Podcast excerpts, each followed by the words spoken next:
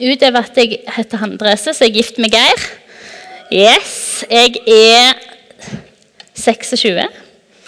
Og så um, Ja, jeg tror egentlig det var det. Hvis dere lurer på noe mer, så kan dere bare spørre.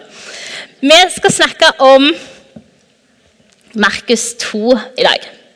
Og egentlig så var det litt sånn når jeg begynte, at jeg hadde lyst til å gjøre en sånn bibelstudie på et vis gjennomgang av Markus 2. Men etter hvert som jeg holdt på med teksten, så opplevde jeg at Gud talte veldig tydelig til meg om ett tema som gjorde at jeg eh, bestemte meg for å konsentrere meg om én av tekstene i Markus 2. Og så sa jeg til Geir bare, hva alle dager skal gjøre nå. da? Jeg har så mye jeg har lyst til å se om de andre tekstene. Så sa Geir du kan bare invitere alle som vil hjem til å sitte på, så kan du snakke om det da. Men det gjør jeg altså ikke. Det, det, jeg burde kanskje gjort det, men jeg tror ikke det. Hvis dere, øh, Det er mye god litteratur å lese. Gry har talt over dette emnet tidligere på G11. Så det går an å høre på podkast. Så du går på imikirken.no.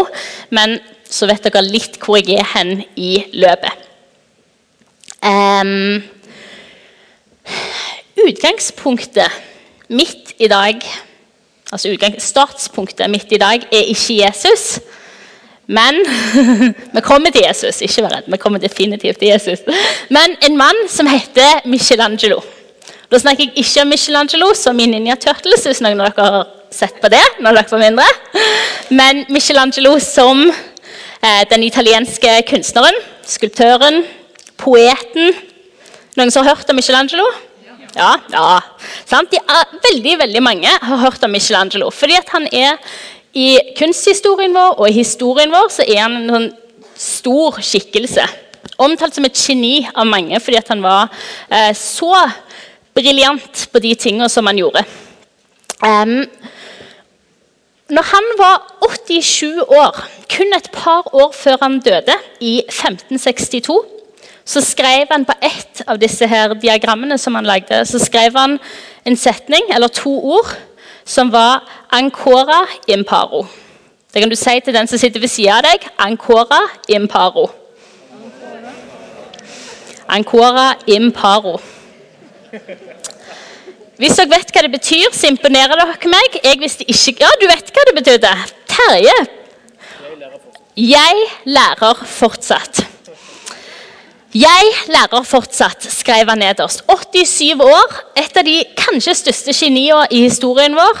På en av de siste tingene han lager, så skriver han 'Jeg lærer fortsatt'. Og når jeg hørte om det, tenkte jeg dette er helt konge. Dette er utrolig nyttig for meg for livet mitt, hvordan jeg fungerer, og inn i det kristne livet mitt. Jeg lærer fortsatt. Jeg er ikke ferdig ennå. Og jeg tenker at Så folk som har tatt imot Jesus, så dette her en utrolig god setning. Jeg lærer fortsatt. Det er nesten litt som Se for deg litt sånn at den setningen kan være pilegrimsstaven på vei mot himmelen. Og ikke veldig poetisk sagt? Men litt sånn Denne har jeg med meg. liksom. Denne lener jeg meg til. Jeg lærer fortsatt. Jeg er underveis. Jeg er på vei. Jeg har lært en hel del, og jeg skal lære en hel del. Jeg lærer fortsatt. Og så ligger det på et vis i ordet. Gjør det ikke det? Vi snakker om å være disippel. Det vi bruker mange for å beskrive at vi er kristne. Jeg er disippel. Et annet ord for det er jo lærling eller læresvenn. En som går i lære hos Jesus. Den som er i opplæring hos Jesus. Og det er jo dette enkle faktum. Å være lærling hos mesteren sjøl og være under opplæring. Det elsker jeg. Og Det var noe av det absolutt første Jesus gjorde når han kom. Når han begynte sitt offentlige virke, det var å begynne å kalle disipler. Invitere folk til å være rundt ham, til å lære av ham. Hvorfor i alle dager gjorde han det? Jeg synes egentlig Det er utrolig interessant, for det sier så mye om Jesus sine prioriteringer. Og Dette er kanskje litt lettvint sagt, så ta det for akkurat det det er. Det er litt lettvint sagt, Men jeg tenker som så at hvis Jesus hadde som utgangspunkt å bare jeg må bare lese det riktig, sånn at jeg ikke får noen på etterpå her nå. Hvis Jesus sitt utgangspunkt bare hadde vært å gjøre det som han skulle gjøre, nemlig å gå hele veien til Golgata, ta på seg all verdens skyld for å frelse oss, så dette er langt ifra bare, for dette er det mest fantastiske i hele verden. Men om det kun var det, så hadde han kanskje ikke trengt disipler. Fordi det som han gjorde på korset, det gjorde han helt alene. Det gjorde han uten hjelp av noen av de tolv, uten noen av de 70, uten noen av de andre som var rundt. Det gjorde han alene. Men han trengte, altså, det mener jeg om, han trengte ikke hjelp til det som skjedde på korset. sant? Det gjorde han sjøl. Men vi ser i Jesus sitt liv at Jesus kaller disipler.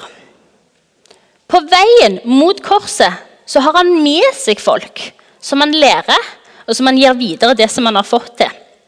Han driver helt tydelig med opplæring. Han har valgt å bruke disipler for å bringe sitt rike nær. Han skulle lære opp noen fordi han skulle sende noen.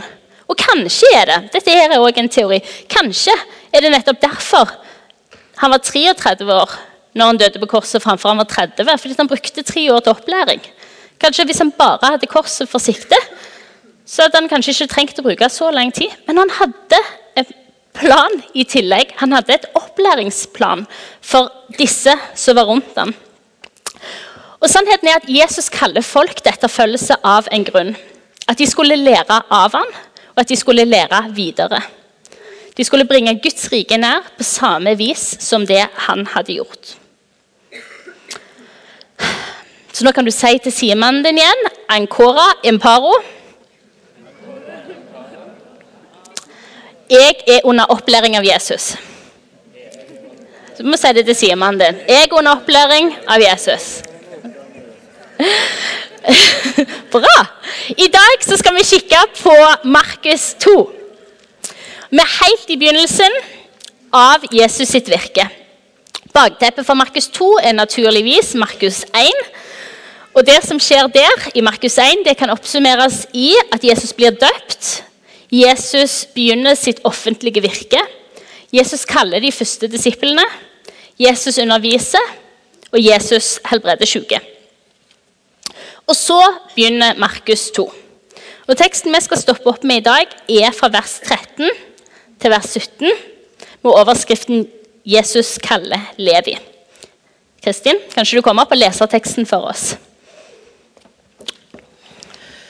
Nå sa jo du overskriften, da, men Jesus kaller Levi. Igjen gikk eh, Jesus ut langs sjøen. Mye folk kom til ham, og han underviste dem. Da han gikk videre, så fikk han se Levi, sønn av Alfeus, sitte på tollboden. Jesus sa til ham, 'Følg meg.' Og han reiste seg og fulgte ham. Senere var Jesus gjest i huset hans. Og mange tollere og syndere var til bord sammen med Jesus og disiplene, for det var mange som fulgte ham. Da de skriftlærde blant fariseerne så at han spiste sammen med syndere og tollere, sa de til disiplene.: Hvorfor spiser han sammen med syndere og tollere? Jesus hørte det, og han sa til dem.: Det er jo ikke de friske som trenger lege, men de syke.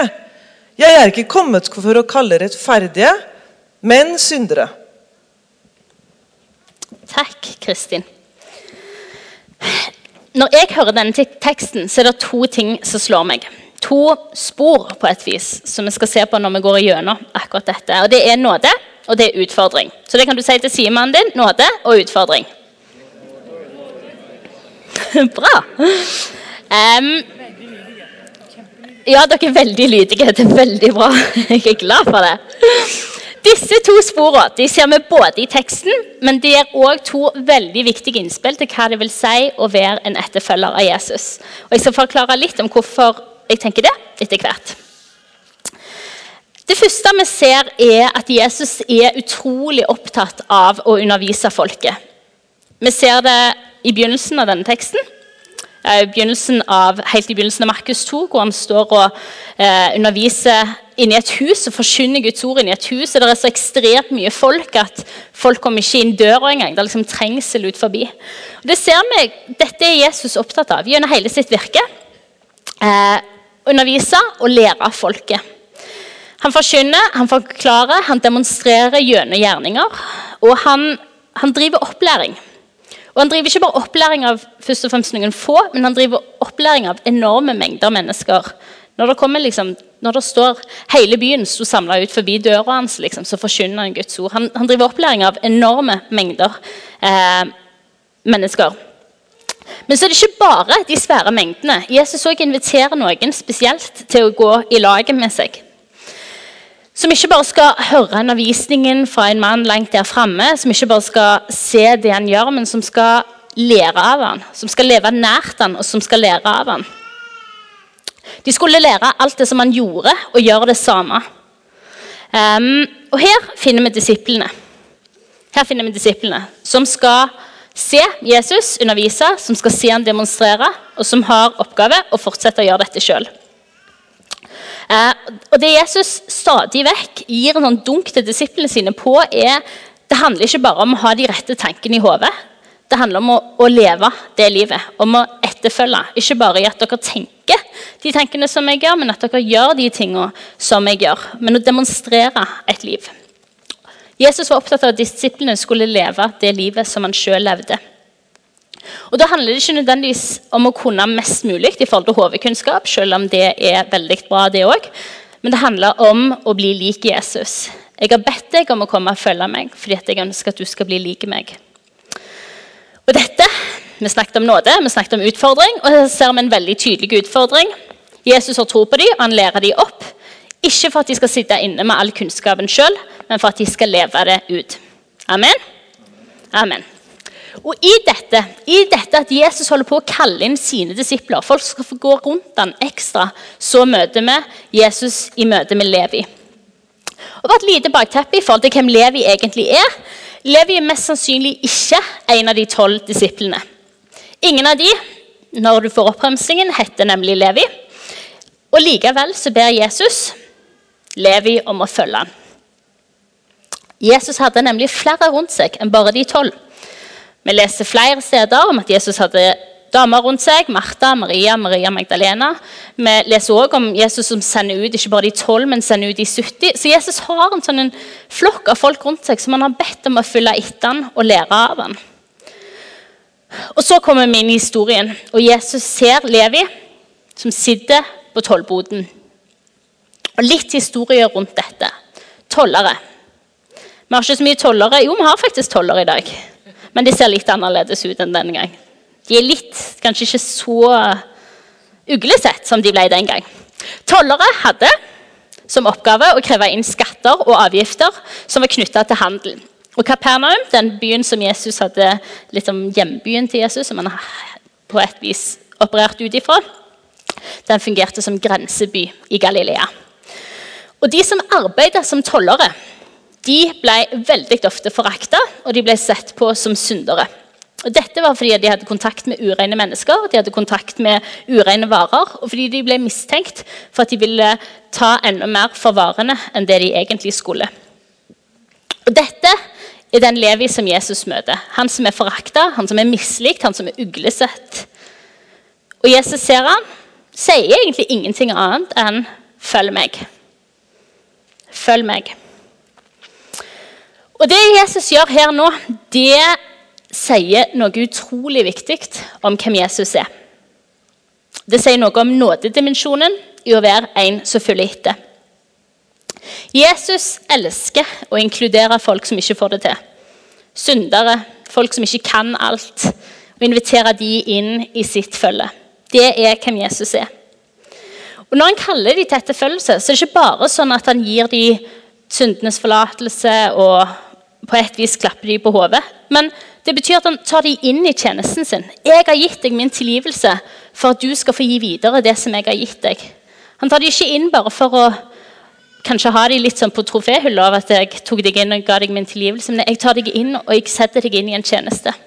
Jesus ser folk, folk som ingen andre vil ha noe med å gjøre. Så ser han de, og så sier han, 'Deg vil jeg ha med i mitt følge.' Vil du lære? Vil du bli lik meg? Vil du gå i lag med meg? Um, og det er det utrolig mye nåd i. Ja. Ja.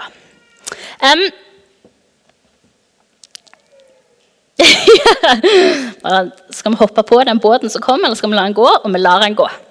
Og så Det er viktig å kunne la båter gå òg. Og så er Jesu ord til Levi det er 'følg meg'. Så enkelt. Og Umiddelbart så reiser Levi seg, og så følger han etter Jesus. Og Hvorfor det? Hvorfor i alle dager reiser Levi seg umiddelbart opp og følger etter Jesus? Og For å forstå det så må vi bare få et lite innblikk i jødisk kultur. Er dere klar for det? Lite innblikk i jødisk kultur. På Jesu tid så var det sånn at små barn begynte på skolen. Har dere hørt om det? Ja, det gjør vi òg her. Små barn begynte på skolen. Mest sannsynlig begynte de i den lokale synagogen og ble undervist av den lokale rabbineren. Der var undervisningen sånn at de skulle lære seg Toraen utenat. Og de begynte i første Mosebok. Begynte å skulle lære seg første Mosebok utenat. Når de var ferdig med første Mosebok, så gikk de videre til andre Mosebok, videre til tredje Mosebok, fjerde Mosebok, femte Mosebok. Dette skulle de lære seg utenat. Og det er ganske mange sider å skulle lære seg utenat. Og dette hadde de ca. fire år på. De begynte når de var rundt seks. Når de var rundt ti, så hadde de på et vis litt flåsete sagt en sånn evalueringsfase. Hvor de så hvem er det dette her faller veldig naturlig for, hvem er det dette her ikke faller fullt så naturlig for, ikke så flinke. Og så hanka de med seg de flinkeste videre. De som skulle lære. De skulle få lære enda mer. Men de som da ikke klarte den neste fasen på et vis, de ble sendt ut og sagt godt å ha dere her, men nå må dere ut og lære familieyrket på et vis. Så hvis de hadde en far som var fisker, så lærte de opp å bli fiskere. Hvis de hadde en far som lagde sandaler, så lærte de seg å lage sandaler. Dere skjønner bildet? Hvis de kom til år ti, ikke kunne det de skulle kunne, ikke viste ekstravagante evner, så var de ferdige. Ut i et annet yrke. Og de som da gikk i um, Det var kommet til år ti og viste at de var gode, viste at dette kunne de. De fikk fortsette. Og de fortsatte. Og de fortsatte å lære bøker utenat.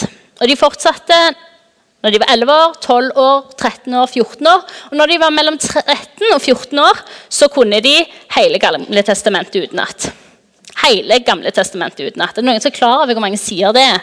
Jeg er ikke klar over hvor mange sider det er, men det er veldig mange bøker. Det er 39 bøker fra første Mosebok til Malaki.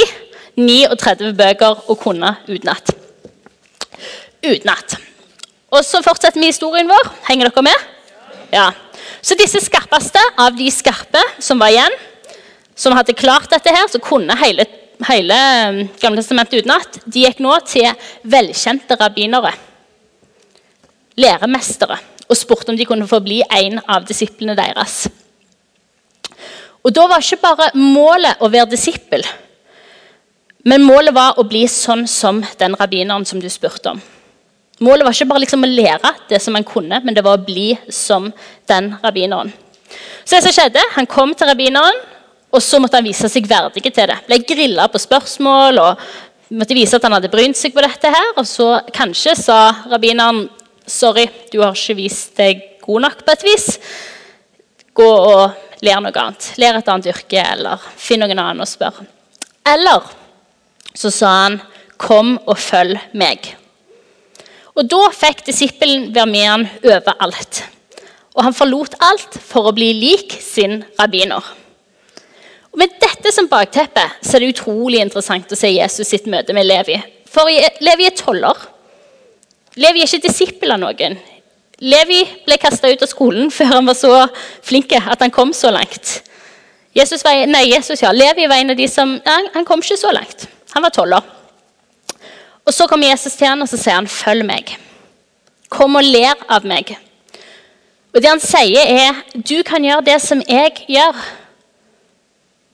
Jeg ser potensial i deg til å bli sånn som jeg er. Vil du være med meg? Vil du lære av meg? Vil du gjøre de tingene som jeg gjør? Og Plutselig så går Levi fra å ikke være god nok fordi han er toller, og han har en jobb som gjør at alle ugler han, som ingen liker han, um, til at Jesus, som mest sannsynlig var litt sånn helten på den tida altså Det står jo overalt at det var liksom bare mengder av folk som flokka seg rundt han. Så det er liksom bare den superhelten kommer og sier 'Jeg ser potensialet i deg. Kom og følg meg. Vær rundt meg. Bli sånn som meg. Det er klart at Levi er på beina med en gang. Det er klart han er det. Plutselig er det noen som sier du er god nok til å være i lag med meg. Tenk nåden i det, da. Jesus, superhelten. Og det er den Jesus som vi tilhører. Som ser oss uavhengig av tidligere prestasjoner, uavhengig av feil og av mangler. Og han sier, 'Du, kom og ler av meg. Kom og følg meg. Kom og bli lik meg.' Det er nåde. Amen? Amen. Og Jesus kalte Levi sånn som han var. Han kalte Levi før han hadde gjort noe, før han hadde bevist noe, mens han fortsatt var toller, mens han fortsatt ble regnet som synder, mens han fortsatt ble mislikt. Der kaller Jesus han. Og det er hvem Jesus er, og så går de sammen derifra. Om Levi sitt liv ble forandra? Det er klart det gjorde det etter at Jesus kom inn i livet hans. Det er klart livet til Levi ble forandra. Alt ble jo snudd opp ned. Han ble en etterfølger av Jesus. Han slutta jobben sin umiddelbart, og alt så annerledes ut. Men det begynte med et utrolig enkelt 'følg meg'. Og så at Levi responderer. Så går de sammen videre derifra, og det er det mye nåde i. Ok, Si til den som sitter ved siden av deg, 'Ancora imparo'. Jeg er under opplæring, må jeg si. Jeg er under opplæring. Bra. Er dere klar for å fortsette bibelhistorien? Bra. Vi fortsetter til de har kommet til Levis hus.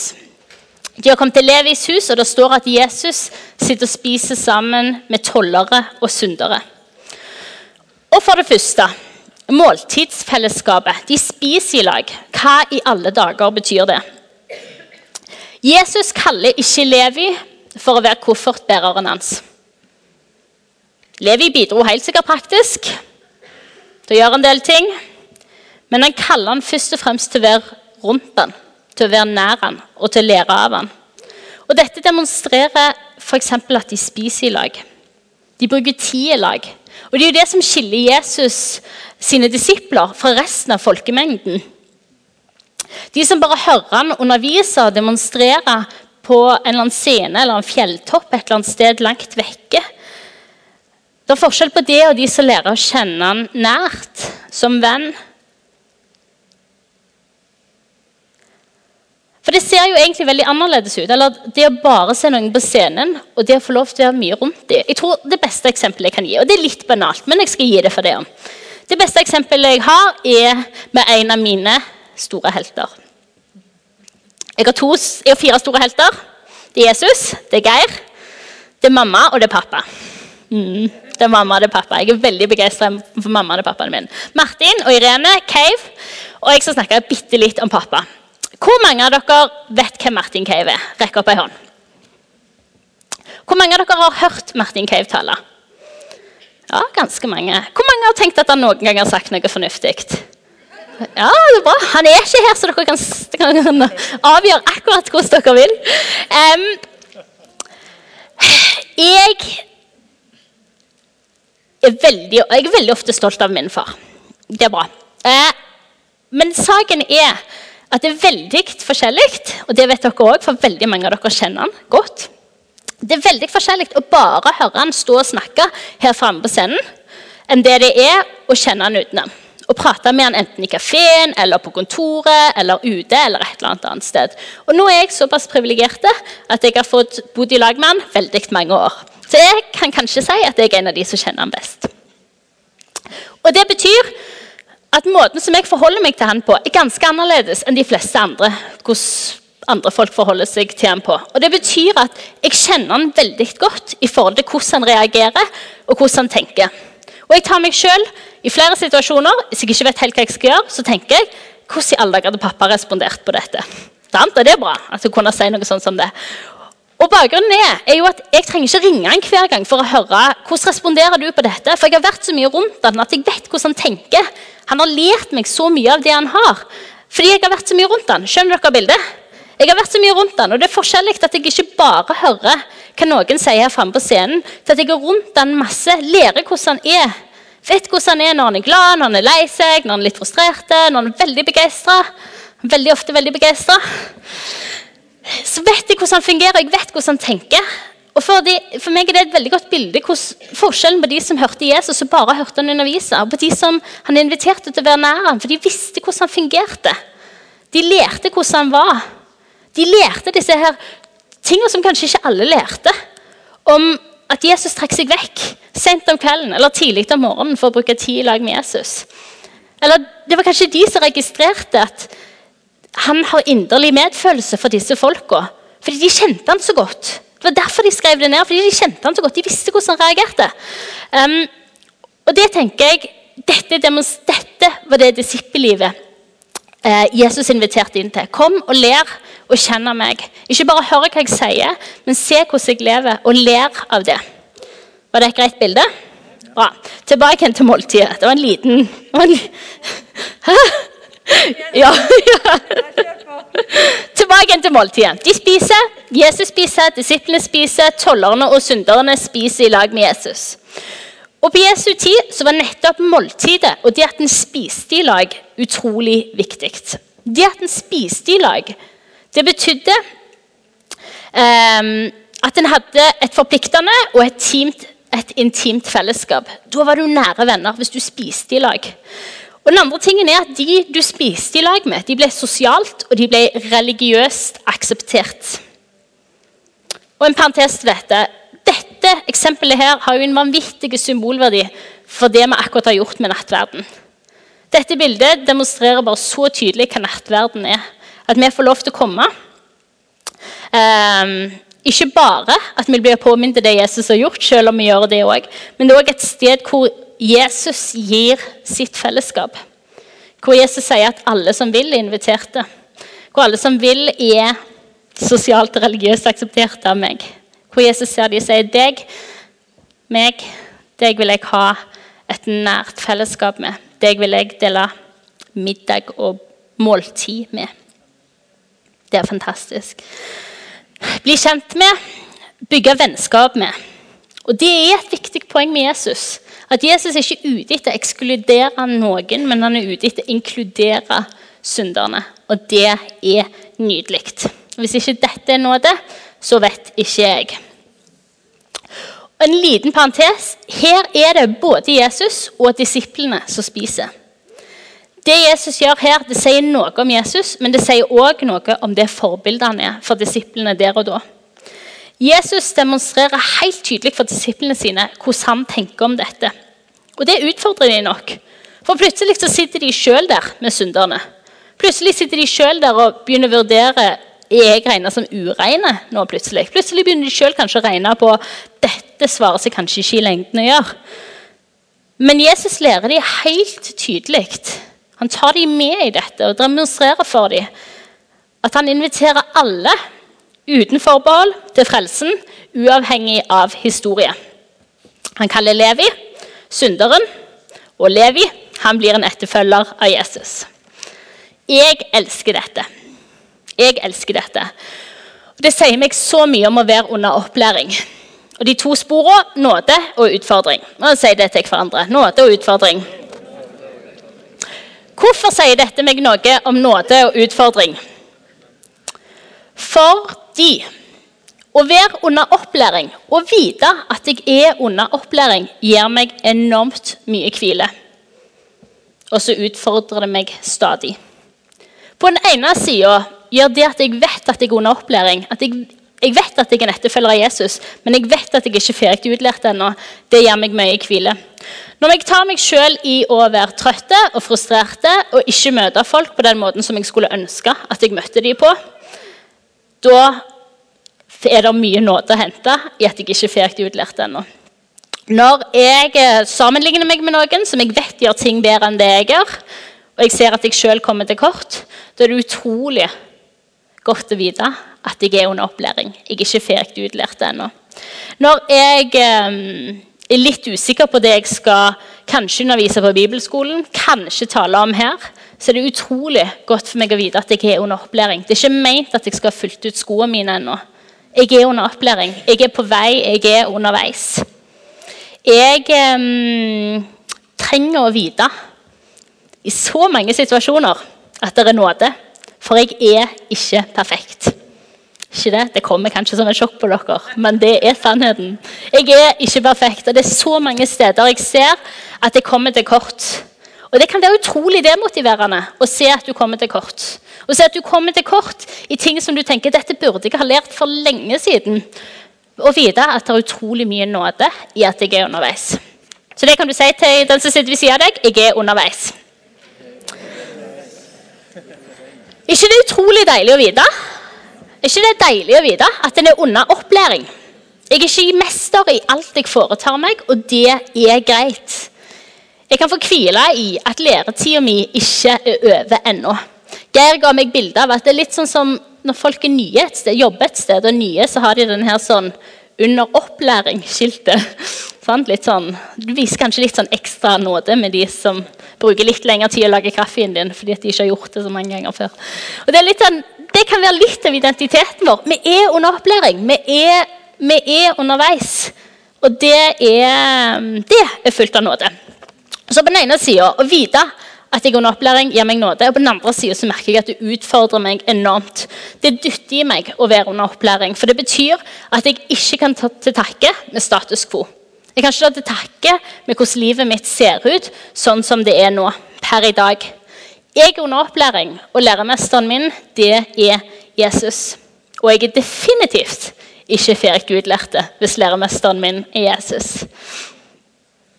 Jeg har mye å strekke meg etter. Jeg har utrolig mye å strekke meg etter.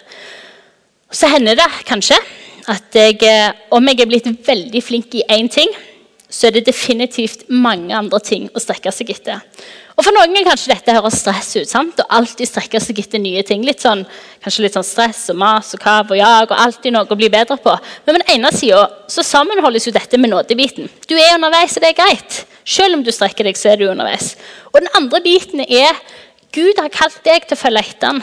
Deg han sagt 'følg meg til'. Deg han sagt 'du kan gjøre de tingene jeg gjør'. Bli lik meg.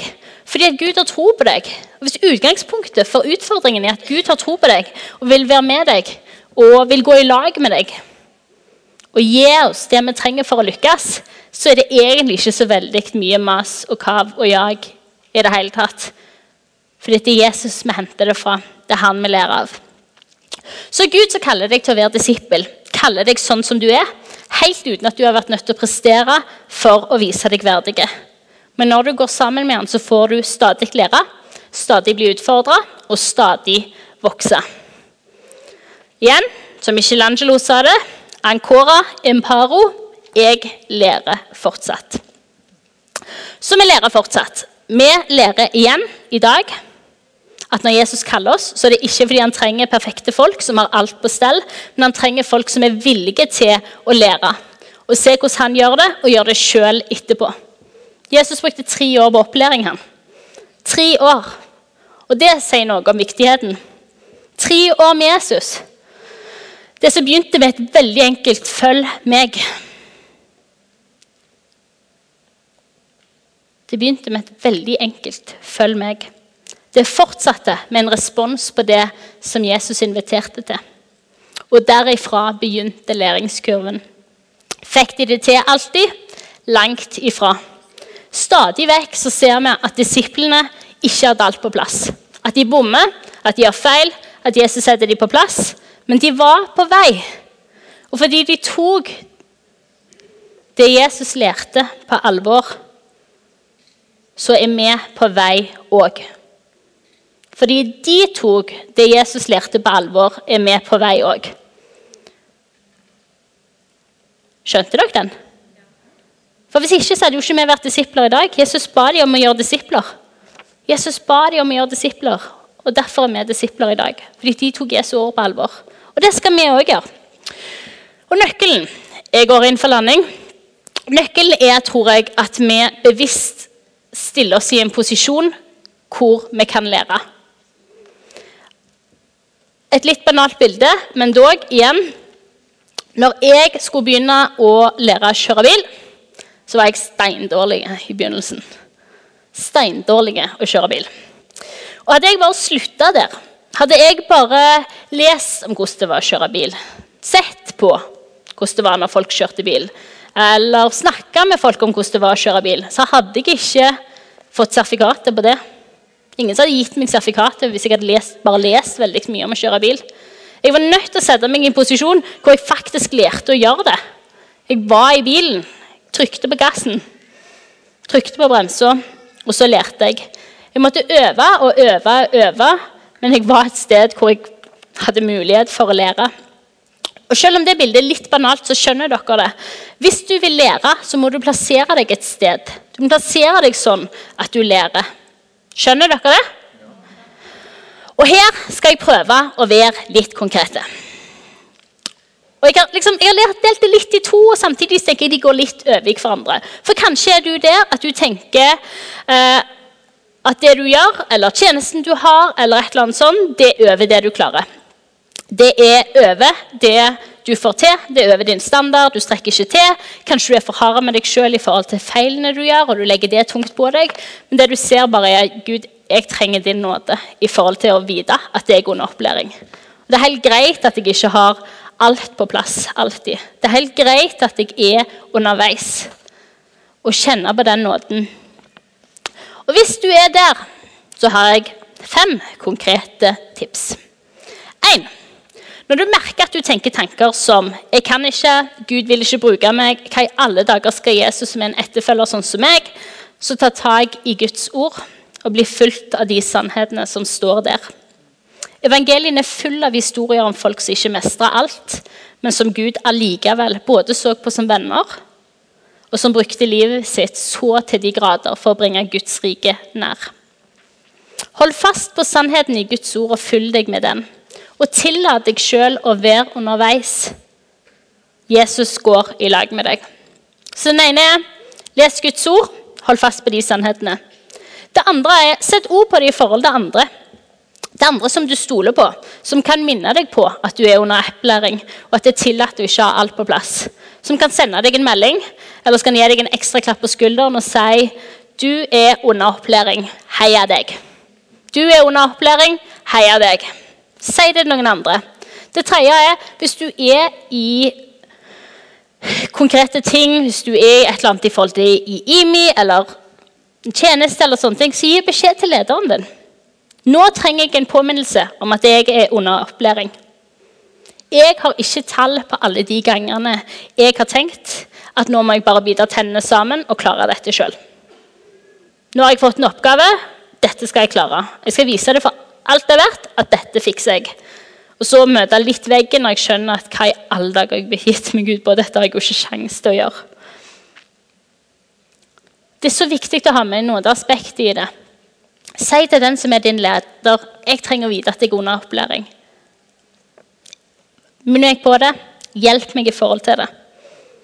Det fjerde er minn deg sjøl på at du har den lappen her med 'under opplæring' på. Du er ikke Jesus, du er ikke perfekt, du er underveis. Det kan du si til den som sitter ved siden av deg. Du er ikke Jesus, du er ikke perfekt, du er underveis.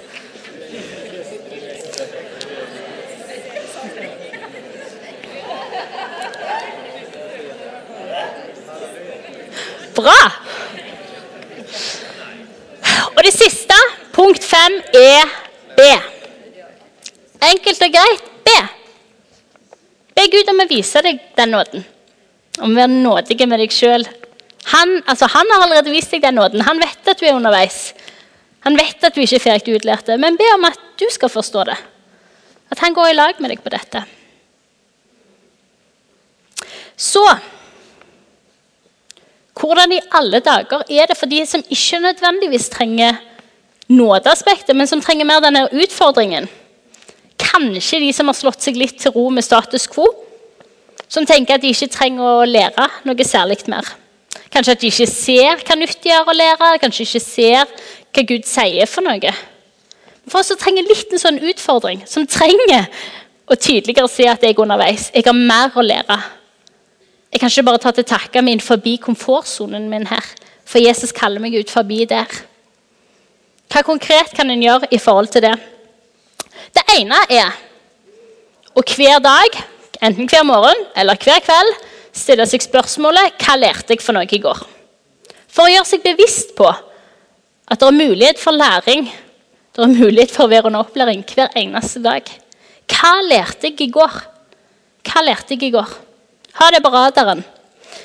Det andre er når du leser i Bibelen. Å lese litt med de brillene er hva lærer, hva lærer Jesus disiplene sine gjennom dette? Og hva har det å si for meg som etterfølger i dag? Skal jeg si det igjen? Hva lærer Jesus disiplene sine gjennom dette? Og hva har det å si for meg som etterfølger i dag?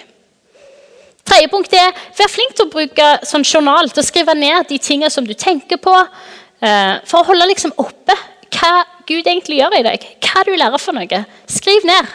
Når du er på møter, når du prater med noen som sier noe veldig klokt, skriv det ned. Sånn at du har det for deg, sånn at du kan lese det om igjen og fortsette å bli minnet på det og leve i det og lære. Nummer fire. Prat med folk om det. Spør folk. Hva i alle dager lærer du nå for tida? Hva lærer Jesus deg nå for tida? For min del, helt personlig, så ser det ut som at jeg lærer meg å lytte mer til Gud og bli ledet av han enda mer i hverdagen min. Jeg trenger stadig vekk å lære det. Men etter noen spør meg hva jeg holder på å lære, så øker det bevisstheten min rundt det. Nummer fem sett av tid til å være i lag med Jesus. Hvis du aldri bruker tid med han, blir du jo aldri lik han. Lev nær til Jesus. Sett av tid til han, til å lese i Bibelen, til å be, til å lovsynge, til å prate med han. Altså, Samme eksempel som jeg brukte med meg og pappa. Jo mer du bruker tid med Jesus, jo mer ser du hvor mye du har å lære. Og hvor mer mye du har å bli utfordra i forhold til det. Og Jo mer du lærer av han, jo mer like blir du han, naturlig nok. Og så ikke bare vær flink til å skrive ned, men lær noe. Hvis det er ting i Jesus sitt liv som du ikke er god på, så la deg utfordre av det. Lær av han. Gå med det til Jesus, og lær av andre som har lært av Jesus, og som er bedre enn deg på det. Så noen som du tenker, oh, jeg, jeg ser Jesus er utrolig flink til å se folk, Du har ha medlidenhet med folk. Jeg sliter litt med det. Så finn noen som du tenker disse er steingode på det, og be dem om å lære deg av det. At du kan være underveis i forhold til det òg. Siste punktet er Husk på å være stille når du er i lag med han òg. Når han taler. Og lytt til hva han sier, hva han vil lære deg, hva han vil lede deg på. Jesus har kalt oss til å lære. Spørsmålet er stiller du deg i en posisjon hvor du lærer. Lever du i den mentaliteten som Michelangelo gjorde? Jeg lærer stadig. Jeg lærer fortsatt. Jeg er fortsatt underveis. Jeg er fortsatt under opplæring. Eller tenker du at du er utlærte? At du er for gammel, at du er for unge, at du er for ny på veien, kanskje? Det er en som har sagt det sånn Jesus kvalifiserer ikke Jesus, Nei, det er feil. Jesus kaller ikke de kvalifiserte, han kvalifiserer de kalte ikke det en god setning? Jesus kaller ikke de kvalifiserte, han kvalifiserer de som han kaller. Han kaller oss til å være under opplæring, og han kaller oss til å stadig fortsette å lære. Vi reiser oss.